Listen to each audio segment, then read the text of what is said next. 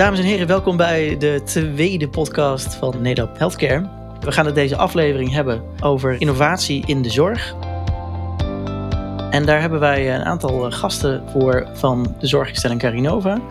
Het is uh, Jan Grieping. Goedemorgen Jan. Goedemorgen. Jan, jij bent sinds 2010 werkzaam bij Carinova. Je was eerst uh, directeur woonzorg en nu lid van de raad van bestuur. Klopt. Welkom in onze show.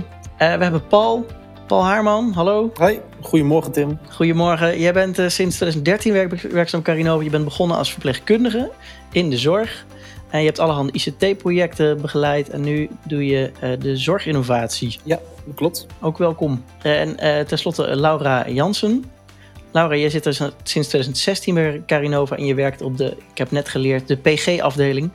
Kleinschalige psychogeriatrie, dus eigenlijk dementerende ouderen, als ik het goed heb. Klopt. Welkom. Jij uh, bent betrokken bij de implementatie van, uh, van NEDAP ONS ook. Ja, dat heb je helemaal goed. Naast Carinova hebben we ook nog in de show Sven Gutkeur de Geus. Wat een mooie naam, Sven. Ja, wat een moeilijke naam, hè? Beetje half Zweeds, half Nederlands. En dan krijg je dat soort uh, moeilijke uitspraken. Ja, klopt. Ja, heel cool. Hey Sven, je bent van uh, Care Next en je hebt Mixo ontwikkeld. En Mixo is een klassificatiesysteem. Ja, het is een klassificatiesysteem. Het is ook een afkorting, net als PG. Is het een afkorting van meetinstrument kwaliteit van zorg. En het is een instrument waarmee je de kwaliteit meet elke dag bij de zorg. En het is gemaakt op basis van het kwaliteitskader in 2017. Dus we zijn nu vier jaar verder. Cool. Uh, het is vier, bestaat vier jaar en inmiddels uh, werkt, nou, uh, een groot deel, interimeraal werkt er dan, uh, een heel groot deel van Nederland werkt ermee. En Carinova dus ook binnenkort intramuraal. Yes, en dat is ook het bruggetje waarom we jullie allebei in de, in de show ja. hebben zitten. En we hebben nog twee hele belangrijke gasten in de show. John Rumkel en uh, Jan-Willem Mooi. Dag heren. Hallo. Goedemorgen. Hallo. En jullie zijn van Nederland Healthcare. En jullie uh, hebben onder andere de implementatie bij Carinova begeleid. Of zijn het dan doen? Nou, hartstikke tof. We gaan deze aflevering hebben over innoveren in de zorg. En dan bedoelen we met name digitaal innoveren. Dus ik ben heel benieuwd uh, wat we daar allemaal over te weten komen deze show. We willen graag beginnen met jou, Jan. Jij bent raad van bestuurslid van Carinova. Kun je iets vertellen over Carinova en, en over de organisatie?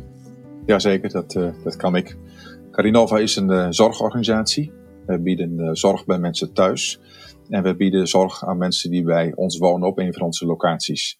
Daar bieden wij zorg aan cliënten.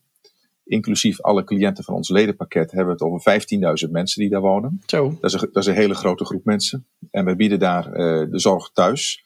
Dat is eigenlijk vanaf huishoudelijke hulp, maar ook naar wijkverpleging toe. Alle vormen van intensieve thuiszorg, thuisbegeleiding, mantelzorgondersteuning. En we bieden zorg op onze locaties. En in totaal wonen er dus een kleine 650 mensen bij ons op uh, 10 verschillende locaties. Dat is best wel een flinke club dus. Ja. ja. Hoeveel medewerkers hebben jullie? Er werken 3.500 medewerkers uh, bij ons. Uh, het, het zijn ook heel veel mensen die ook parttime werken. Maar dat is, een hele, is echt een hele grote groep mensen. En die mensen zetten zich 7 keer 24 uur in voor alle zorg die in deze regio geboden wordt. Juist, juist. Hey, en jullie zijn best wel begaan met de digitale innovaties in de zorg. Kun je daar iets over vertellen? Ja, die, dat we daarmee begaan zijn, komt niet zomaar uit de lucht vallen. Dat komt eigenlijk voort uit een, uit een zorg die wij hebben. Um, de vraagstukken in de zorg die zijn niet zo heel moeilijk te duiden. Uh, we weten heel goed dat we te maken hebben met een krappe arbeidsmarkt.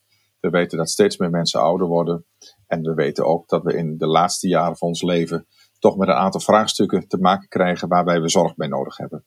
Wat we ook weten, en dat was voor ons de prikkel ook om met innovatie aan de slag te gaan, is dat wij, als wij vandaag en morgen blijven doen wat we nu doen, dat het probleem, uh, problemen gaat geven. Het stelsel loopt vast. En, en wij geloven er niet in dat je maar oneindig stenen kunt bijbouwen voor verpleeghuizen. En we geloven er ook niet in dat er zomaar honderdduizend mensen beschikbaar zijn om in de zorg te werken. Uh, dat betekende dat we op een andere manier naar zorg moesten gaan kijken. En op een andere manier uh, het mogelijk moeten maken dat zorg in de toekomst ook op een goede, uh, slimme, doelmatige en ook plezierige manieren geboden kan worden. En dat is voor ons de prikkel om ook ruimte te maken voor innovatie. Ja, dus een van die redenen is eigenlijk met name dat het, dat het beter gaat schalen dan er gewoon maar stenen en mensen tegenaan te blijven gooien. Ja, hoop je. Ja, nee, dat klopt. Dat klopt. En, en om dat vraagstuk op te lossen heb je innovatie nodig. Heb je ook samenwerking nodig. En zul je het lef moeten hebben om als, organisatie ook te investeren. Dus niet alleen maar met je eigen business bezig te zijn, maar ook anderen daarin te betrekken. en het, en het op die manier aanpakken. En dat doen we eigenlijk op een aantal manieren. Uh, zoals ik zei, wij kiezen voor investeren in samenwerking. Um, een mooi voorbeeld daarvan is bijvoorbeeld uh, United. Daar werken we samen met het ziekenhuis, de huisartsencoöperatie, uh, met vier gemeenten om zorg um, en, en, en, en, het goed thuis kunnen wonen in Salland mogelijk te maken. Um, want ja, we hebben die partijen nodig om het te kunnen gaan doen. Daarnaast zeg maar, hebben we ook gekozen om, um, om zelf dingen te doen. Want samenwerking vinden we belangrijk. Hè? Dat doen we in meerdere regio's overigens, niet alleen in Deventer. Maar uh, als je alles in samenwerking gaat zoeken, dan zeg je ook iets over snelheid en tempo. Want alles samen met iedereen doen, dat geeft ook een vertraging.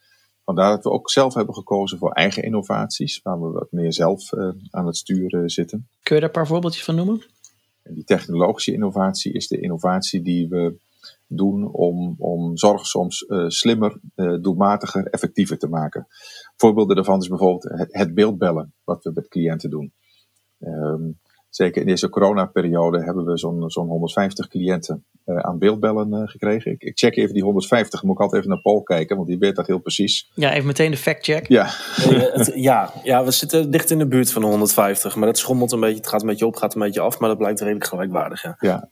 En wat je, wat je, het leuke is, wat je ziet, is dat die innovatie niet alleen het bellen met beeld is, maar dat bijvoorbeeld nu ook, met, zeker met corona en in de voorbereiding van een mogelijke derde golf waar we in zitten, dat we daarmee ook saturatiemeting op afstand uh, gaan doen met dezelfde devices. Dus we weten eigenlijk oh ja. steeds meer innovatie ook aan zo'n device te koppelen, waarmee we een monitor op afstand. En het leuke daarvan is dat het niet een techniek elementje is, maar dat de mensen ook vertrouwen thuis geeft. Dat het ook een samenwerking met de huisarts betekent. En dat het ook een samenwerking met de longarts in het ziekenhuis betekent.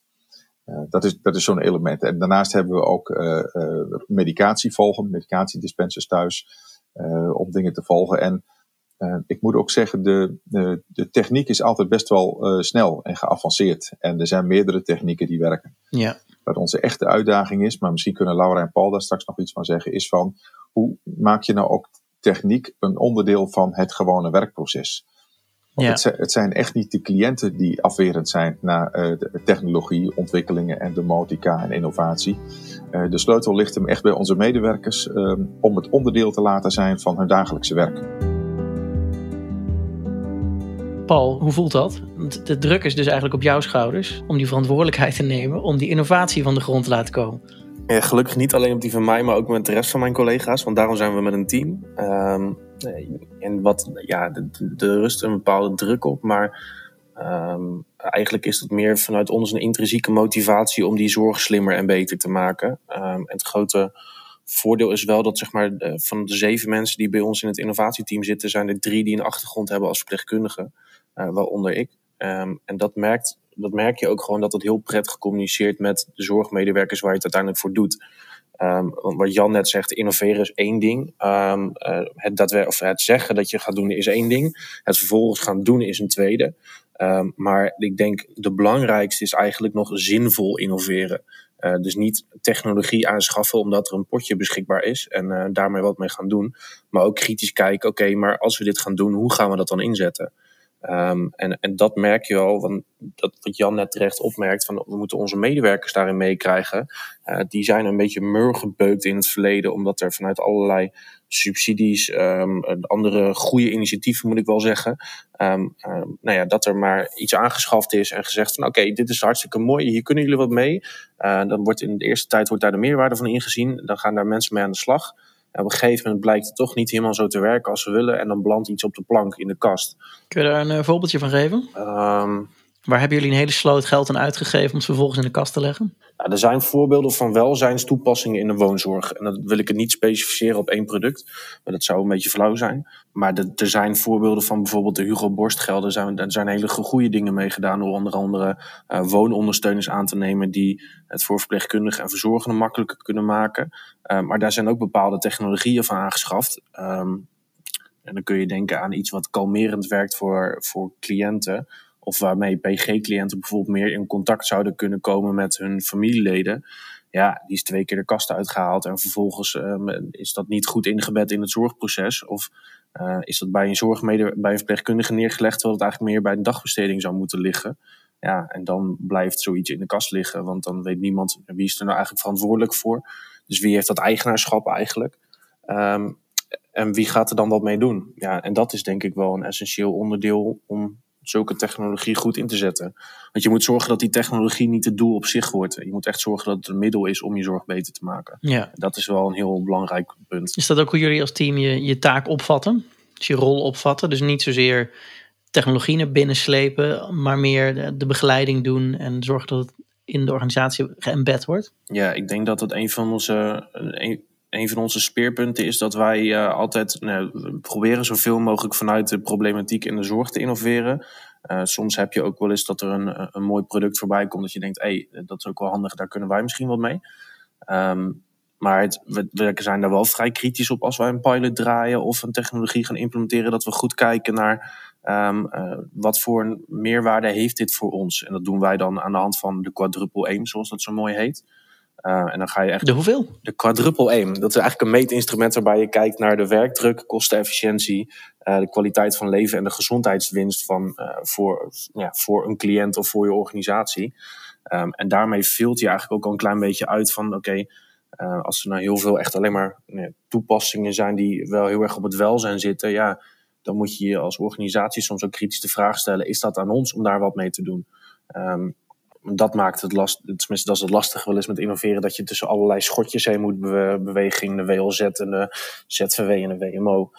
Um, dat je daar kritisch naar zou moeten kijken van is dit wel hetgene wat, wat juist is of kunnen we beter onze tijd en, uh, en moeite in een ander uh, iets stoppen. Je zegt die hele mooie methode wat je hebt, maar je primaire doel is eigenlijk om de zorg zo in te richten dat je kan blijven zorgen? Vanuit klantperspectief vind ik het belangrijk dat, dat technologie meer uh, eigen regie aan die cliënt geeft opdat hij meer eigen keuzes kan maken, makkelijker contact heeft met de zorgverlener uh, op allerlei manieren. Uh, voor mij is het ook het werkplezier van medewerkers. Want eigenlijk, deze technologie uh, moet medewerkers ook dusdanig faciliteren dat ze vooral echt bezig kunnen zijn met hun vak. En daarmee moet het meer plezier geven. En tegelijkertijd, en dat is terecht, gaat het ook over doelmatige inzet van de capaciteit, van onze personele capaciteit. Ik ben nog even benieuwd, uh, Paul, uh, voordat we er overheen balsen. Um, nee, daar biedt natuurlijk de, de Luna aan. En daar zijn jullie nu ook mee bezig. En ik was wel benieuwd wat jullie, wat jullie kijk daarop is en jullie ervaringen daarmee. Het leuke van de Luna vind ik eigenlijk dat je over het algemeen gaat kijken naar zorginnovatie en dan specifiek meer zorgtechnologie die waarin zitten. Jan noemde heel mooi dat voorbeeld van beeldzorg. Dat heeft een gigantische vlucht genomen sinds corona, want alles met zorg op afstand is is daar makkelijker in geworden. Maar beeldzorg is echt een gedragsverandering ook een beetje. Want het is een hele nieuwe manier van werken. Want je gaat niet zelf meer naar de cliënt toe. Nee, er komt een tablet te liggen waar een videoverbinding op zit. Uh, en aan de hand daarvan kan die cliënt inbellen. Naast dat hij nog een heleboel leuke spelletjes en andere dingen daarmee kan doen. Uh, en dat, maar dat is, dat is wel eens bedreigend, want nou ja, bedreiging is een zwaar woord, maar is dat wel een uitdaging? Want dat zijn dingen waar ze eigenlijk niet voor geleerd hebben uh, een hele tijd geleden. En nu moeten ze in één keer iets gaan toepassen wat ze nog niet heel goed in hun gereedschapskist hebben zitten. Um, dus dat is moeilijker om zo toe te passen als je daar de affiniteit niet mee hebt. Um, en als je dat vergelijkt met de Luna, en dat is een heel mooi voorbeeld, is dat het eigenlijk zo simpel is dat ik alleen maar naar een, een cliënt toe hoef um, en de stekker in een stopcontact hoef te doen. En uh, dan koppel ik iets en dan doet alles het. En dat vinden medewerkers, dat vinden mijn, mijn, collega's in de zorg heel prettig. Uh, en dat is ook een van de bijzondere dingen dat Luna, word ik nu heel veel over gemaild. En er komen heel veel mensen zelf naar ons toe. Van joh, uh, we hebben gehoord dat die Luna er is, mogen we die gaan inzetten? Um, dat is een heel, dat is 180 graden anders als beeldzorg. Want dan moeten wij echt naar die teams toe. En van joh, dit is wat we samen, dat ook in co-creatie bedacht hebben met die verpleegkundigen. Maar de mensen die daar dan bij betrokken zijn, zijn er heel enthousiast over. De mensen die daar niet bij betrokken zijn, die, uh, nee, die zijn wat meer afstandelijk daarvoor.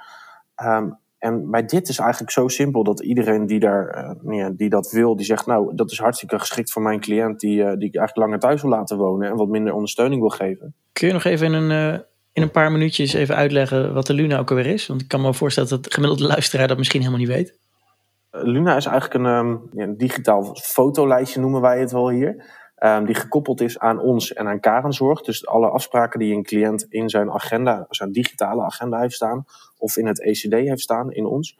Ehm, die komen als op een, um, ja, een hele rustige weergave wordt dat, uh, uh, wordt dat weergegeven. Uh, en die staat op in de woonkamer of in de keuken van een cliënt. Met name mensen die cognitieve problematiek hebben. Dus die voordat ze bij Laura terechtkomen, vaak dat mensen zijn die met dementie hebben of die um, nou ja, eigenlijk een probleem hebben met hun dagstructuur, dus afspraken vergeten, die worden daar door de, aan, door de Luna aan herinnerd. En onze verwachting is dat we daardoor in sommige gevallen ook minder zorg hoeven in te zetten. Of dat mensen langer zelfstandig thuis kunnen blijven wonen, omdat ze bijvoorbeeld regelmatig geattendeerd worden om te eten. Uh, en bij dementie zie je nog wel eens voorkomen dat mensen de prikkel niet meer hebben om te gaan eten, omdat die, nou ja, dat allemaal geremd is door hun ziekte. Ja, en dan hebben we mooi de terugkoppeling naar het punt van Jan dat zou dus ook kunnen helpen om uh, met minder zorgmomenten toe te kunnen. En, en de technologie kan dan ondersteunen in het langer zelfstandig laten werken van de, van de patiënt. Ja, en meer eigen regie terug. Hè? Want anders dan moet je, uh, of moet, maar dan is het vaak dat er een case manager dementie betrokken is. Je hebt een wijkverpleegkundige en een, een zorgteam die allemaal um, uh, heel fijn werk leveren. Maar dat allemaal een stukje regie uit handen nemen van die cliënt. En als jij zelf dus attendeert op uh, en daarbij ondersteunt, kan zo'n cliënt ook veel, dan geeft je wat meer gevoel van eigenwaarde ook terug, omdat hij zelf meer in controle is. Die heeft veel meer regie. Nou, jullie, zijn, jullie, jullie, zijn hier begin februari mee gestart, Paul. Ja. Met een uh, zestigtal Luna's volgens mij. Ja. Kunnen jullie al iets zeggen over ervaringen vanuit zowel de cliënt, familie en misschien dat Laura daar al iets over kan vertellen? Uh, nee, want Laura, bij Laura worden ze niet ingezet. Ze zetten echt in het extramurale zorg in. Uh, familie reageert er heel positief op. De eerste Luna's draaien echt pas van een goede week, zeg maar. Dus daar durf ik nog niet zoveel over te zeggen. Maar de meeste cliënten reageerden wel enthousiast op. Terwijl het een beetje gek is, want eigenlijk zeg je: Goh, uh, we gaan iets bij je neerzetten om je te helpen met je ziekte. Dat vinden veel mensen nog confronterend. Dat is normaal gesproken best lastig om, om dat over de bühne te krijgen richting zo'n cliënt. En nu is het eigenlijk omdat het zo eenvoudig is en het is iets wat uh, wat rustig stilstaat. Ze kijken er af en toe een keer op en ze worden eigenlijk alleen aan herinnerd. En ze hoeven daar zelf geen acties voor te ondernemen. Ja, is het niet zo bedreigend en accepteren ze het eigenlijk ook hartstikke goed. Heb je nu al een, een plan om te meten of dit succesvol is, of het bijdraagt aan jouw uh, opdracht, zeg maar? Ja, sterker nog, we hebben een student van de Erasmus Universiteit die haar masterthesis doet naar de effecten van Luna. Uh, wat we doen is dat we nemen een nulmeting af van tevoren bij zowel de cliënt als bij uh, zijn of haar mantelzorger. Um, en dan gaat het echt over de belasting van de mantelzorger, maar ook wat uh, zo'n cliënt zelf ervaart. dat gaan we over een aantal. ik doen we drie maanden later nog een keer. En zes maanden na start doen we dat nog een keer. en dat bundelen we samen tot onderzoeksresultaten waar, waarvan we kunnen zeggen van oké, we zien dus dat het bijvoorbeeld heel erg bijdraagt aan hoe vaak iemand gaat eten ten opzichte van vroeger. Ja, en daardoor kun je het soort van objectief maken wat voor een winst er zit in de inzet van Luna. En dan kijk je echt uh, op het zorgproces, dus de gezondheidswinst en die kwaliteit van leven van een cliënt. Dat, dat zijn de twee criteria waar je het aan toetst of het succesvol is of niet succesvol. Nee, want het hangt een beetje samen met die andere vier die ik net noemde. Dus ook werkdruk en uh, kostenefficiëntie komt erbij. Maar dit zijn de twee belangrijkste, want aan de hand daarvan kunnen we bijvoorbeeld ook terugleiden of we minder zorgmomenten inzetten. En als je minder zorgmomenten inzet, weet je dat je een kostenbesparing hebt of een beetje werkdruk wegneemt bij je, bij je medewerkers. Maar het kan ook bijvoorbeeld zitten, soms is het al heel simpel. Hè? Als je een Luna inzet en een cliënt kan zien hoe laat de zorg komt, uh, of hoe laat hij of zij een afspraak heeft, dan hoeft hij ook niet te bellen met de bereikbare dienst van ons thuiszorgteam. En als je daar al een aantal telefoontjes per dag weg kan nemen, dan is het voor die medewerker, die kan veel rustiger zijn werk doen. Want in de thuiszorg, als je een bereikbare dienst hebt, kan het zijn dat je bij cliënt A bent en cliënt B belt jou van joh, ik ben gevallen, ik heb hulp nodig, of hoe laat komen jullie überhaupt? Ja, dat verstoort wel je contactmoment met cliënt A. Dus het, het kan je daar heel erg bij helpen door te zeggen van oké, okay, uh, wacht, uh, ik kan zien hoe laat mijn zorg komt en daardoor hoef ik niet te bellen. En dat is voor die medewerker ook prettiger, want die heeft meer tijd en aandacht gegeven aan de andere cliënt waar die op dat moment is. Dan gaan we daarna controleren bij Laura of dat ook klopt. ja, dat is goed. Hey Sven, ik wil het met jou ook graag even hebben over jouw bijdrage. Want jij doet best wel veel ook uh, met Carinova samen. Uh, we hadden het net al even over Mixo, wat je hebt ontwikkeld. Dat is een klassificatiesysteem. Misschien heel kort even de samenvatting van, van wat Mixo is en, en waarom je iedereen aanraadt om dat te gaan gebruiken. wat ik heel leuk vind om te horen, inderdaad, dat team. Ik was het alweer een beetje vergeten, maar ik ben dus uh, 2,5 jaar geleden naar Deventer gereden om bij dat team aan te sluiten. En het grappige was, dat team had dus iets verzonnen en dat was eigenlijk het Mixo. Uh, dat zie je wel vaker bij innovaties, dat op meerdere plekken tegelijk datzelfde idee ontstaat. En meestal is dat dan ook een goed idee. Um, dus, uh, dus ik kwam eigenlijk binnen met ja. die methodiek. Die was toen in Groningen net, uh, net uitgerold. Uh, en toen zeiden ze, god, dat is eigenlijk precies hetzelfde wat wij verzonnen hadden. nou, laten we kijken of we dat samen kunnen doen. Zo is het eigenlijk begonnen. En ik denk ook dat dat het goede moment was. Um, je kan ook het verkeerde moment kiezen. Dat hebben we in de geschiedenis wel eens meegemaakt. Bij beeldbellen dan gaat mijn geheugen onmiddellijk terug naar Mea Vita. Dat is daar, die zijn zelfs uh, failliet gegaan door het hele beeldbelverhaal. Dat was veel te vroeg. Dat was tien jaar geleden, mm. twaalf jaar geleden is dat gebeurd. En dat was helemaal niet het goede moment. Liep te ver ja, en wat Jan ook zei, ja, dat is erin geduwd. Van jullie gaan nu met dit, deze tablet werken. Ja, die medewerkers zeiden dat, dat willen we helemaal niet. Daar zijn we helemaal niet aan toe. En nu is iedereen eraan toe. En dat was eigenlijk ja. mooie. Die kleert nee, toen nog helemaal niet. Nee.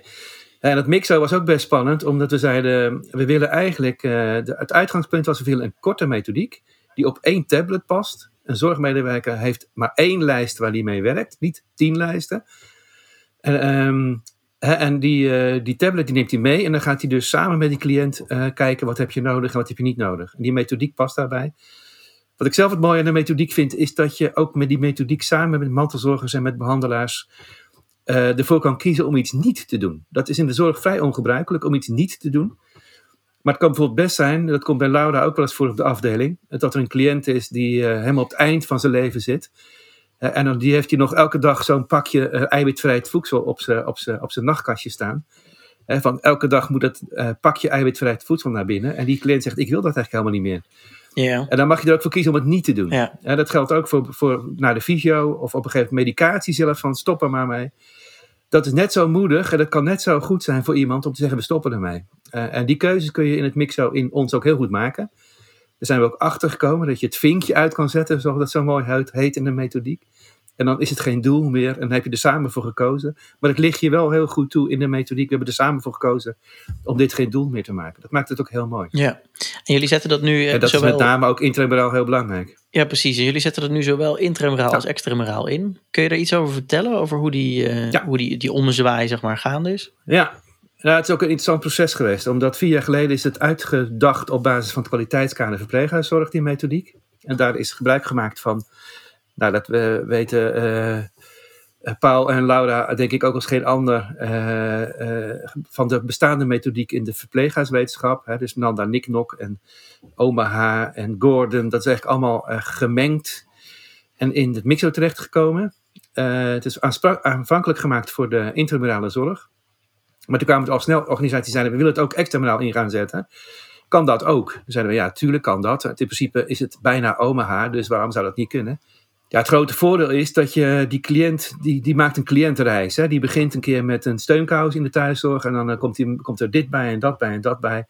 En acht jaar later dan gaat hij naar ja. Laura en dan maakt hij daar het laatste stukje van zijn reis af. Nou ja, hopelijk niet, maar ze zijn erbij. En, ja. en dat, ja, en dat dossier reist eigenlijk mee. En, en het, is, het is niet fijn om als je een cliëntreis maakt, dat je elke keer een nieuw dossier moet, moet maken. En dat die cliënt ook moet elke keer, als hij van plek verandert, weer zijn hele verhaal moet doen. Ja, ik ben dit, ik heb dat allemaal meegemaakt. Nee, het Ja. dossier is één dossier dat reist mee. En dat is heel erg fijn. Ja, ja, kan me Ehm, voorstellen. Ja, dus, dat is- ja en, en, en dus daar is het wel, het blijkt dus ook te werken. Het blijkt ook goed te werken dat je dus het zowel extramuraal als intramuraal kan inzetten. Ja, precies. Want je ziet natuurlijk best regelmatig dat dan ehm, behandelaren een, een ander idee hebben over wat er vastgelegd moet worden. Of, of er een andere mening op nahouden dan mensen extramuraal. Ik noem maar even een zijstraat. En blijkbaar hebben jullie het voor elkaar gekregen om iedereen in dezelfde boot te krijgen. Ja, eh, dat begint nu. Dus het is, eh, de, de boot staat open en de behandelaren kruipen ook in die boot. Ehm, en eh, dat blijkt ook eigenlijk wel heel erg goed te gaan. Eh, behandelaars hebben vaak het idee, wij hebben een behandeldossier nodig. En dat blijkt eigenlijk in ons op een hele goede plek te kunnen, te kunnen passen bij, hè, bij het overzicht.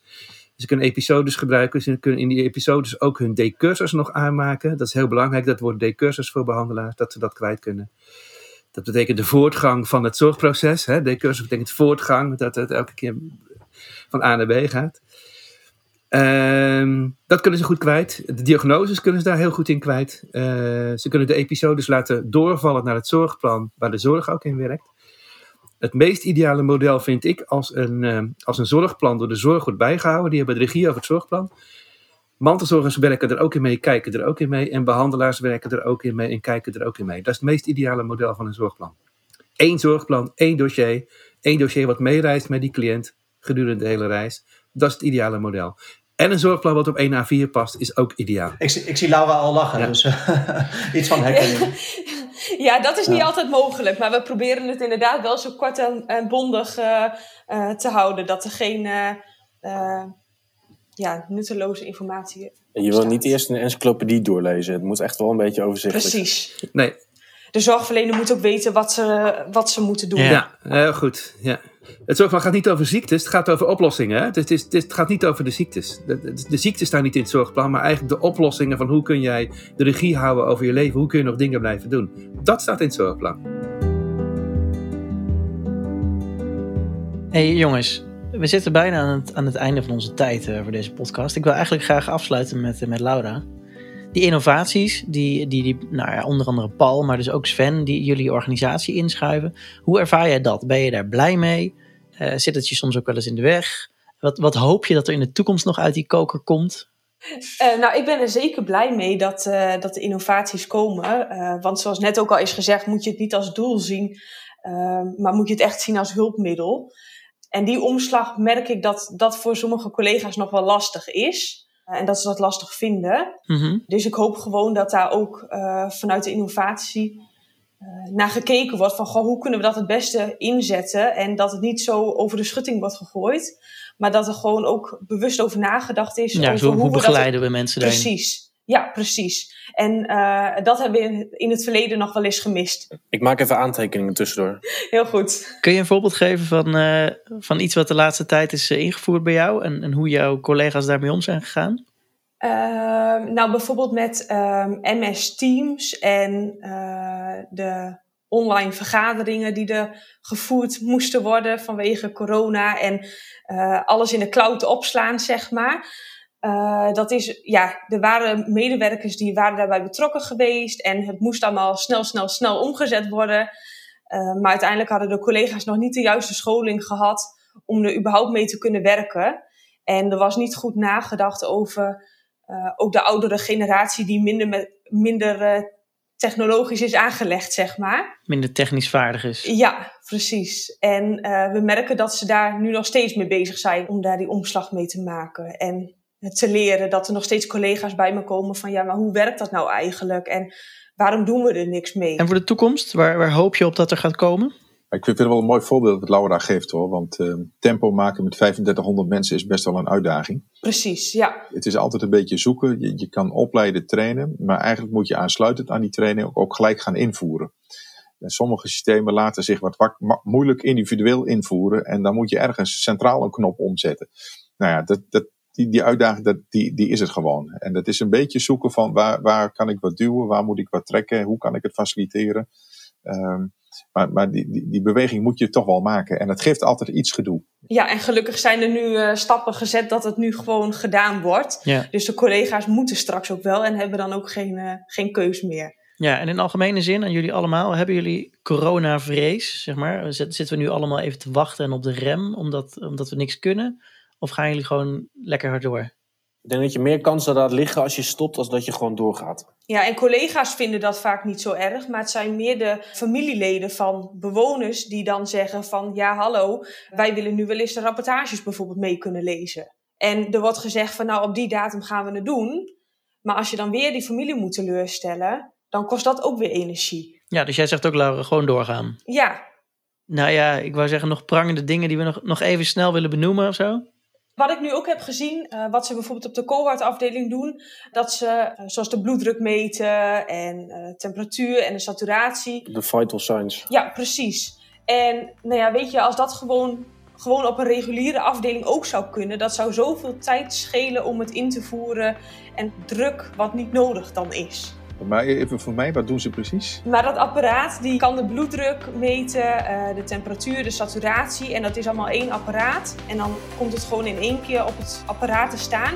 En volgens mij is er dan ook een koppeling met het dossier dat het daar rechtstreeks in komt te staan. Dames en heren, ik wil jullie ontzettend bedanken voor, voor jullie aandacht en jullie, uh, jullie bijdrage aan deze podcast. Ik hoop dat onze luisteraars er wat aan hebben gehad. Dat ze er een paar goede tips uit hebben mee kunnen nemen. En dan uh, hoop ik dat uh, jullie de volgende keer weer luisteren. Dank jullie wel.